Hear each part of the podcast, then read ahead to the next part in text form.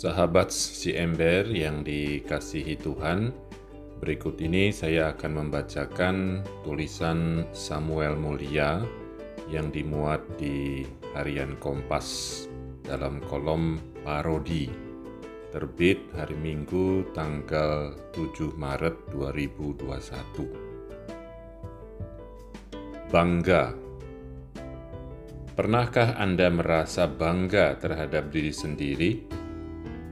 Meski IPK Anda hanya 1,9 atau karir Anda hanya begitu-begitu saja. Tinggi tidak, rendah pun tidak. Atau secara fisik Anda hanya akan mendapat predikat B saja. Biasa maksudnya. Atau usaha Anda masuk dalam kategori maju tidak, mundur pun tidak. Beberapa waktu lalu, saya makan siang dan mendengar cerita salah satu keluarga terkaya di negeri ini. Sudah kayanya pakai banget, sederhananya pun juga pakai banget. Selesai mendengar cerita itu, saya sampai geleng kepala. Mereka lahir dengan IQ yang cemerlang, punya anak-anak yang sama cemerlang dan tak membuat susah usaha semakin maju di tangan anak-anaknya. Tabiat mereka jauh dari apa yang disebut orang dengan sebutan songong. Kesehatan keluarga itu pun tak pernah dihantam penyakit yang berat. Saya membayangkan betapa bahagianya keluarga itu. Begitu banyak yang pantas mereka banggakan bahkan mungkin termasuk kemampuan mereka hidup dalam kesederhanaan di tengah kekayaan yang tak terhitung jumlahnya. Saya sempat berpikir, apakah sebetulnya mereka itu kikir, bukan sederhana, sehingga mereka dapat menjadi sekaya raya itu. Namun, saya menepis pikiran buruk yang belum tentu benar tersebut.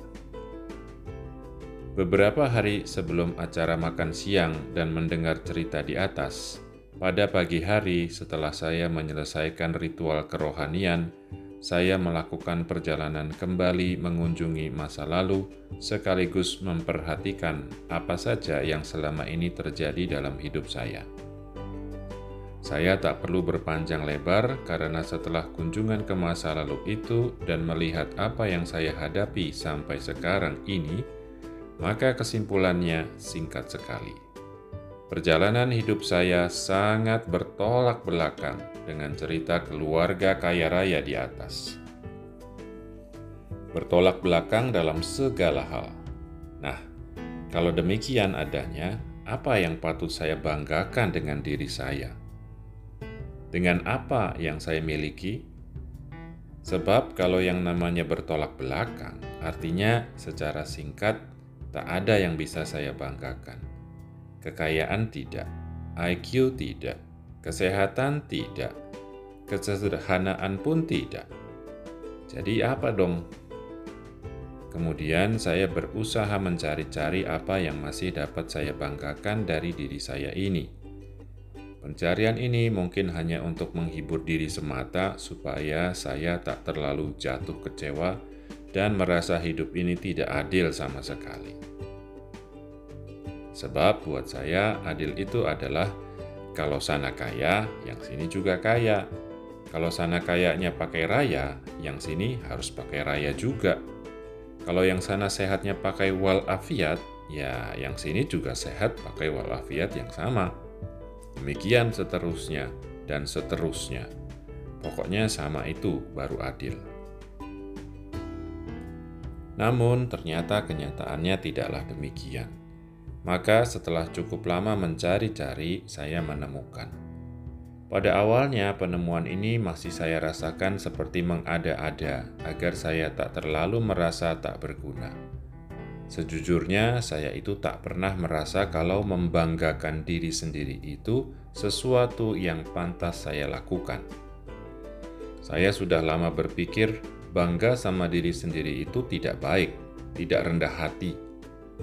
Seharusnya yang menilai saya patut bangga itu orang lain, bukan saya.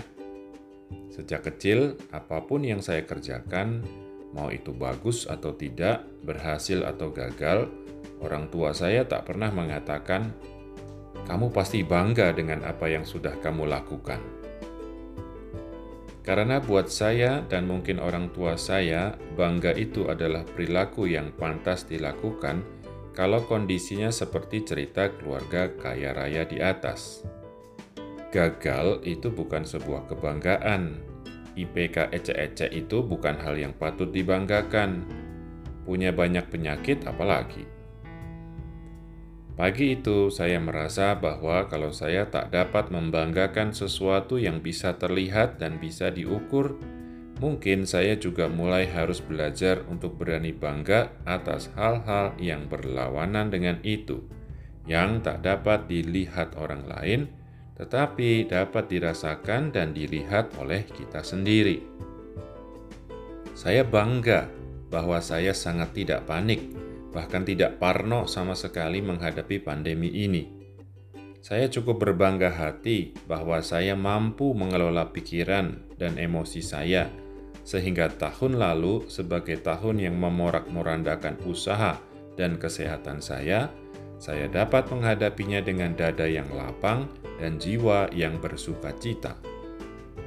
Itu mengapa saya mampu mengatakan bahwa tahun terbaik yang pernah terjadi dalam hidup saya adalah tahun 2020. Saya boleh berbangga karena saya mampu melepaskan kemelekatan saya pada barang-barang nostalgia yang awalnya tak bisa saya lepaskan. Saya mampu melepaskan kemelekatan untuk mencintai kehidupan duniawi. Karena itu, sekarang saya tak takut akan kehilangan.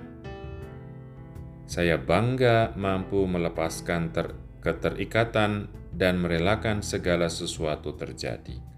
Saya bangga, saya mampu merasa bahagia dan bersyukur dengan sepenuh hati di tengah kehilangan segalanya.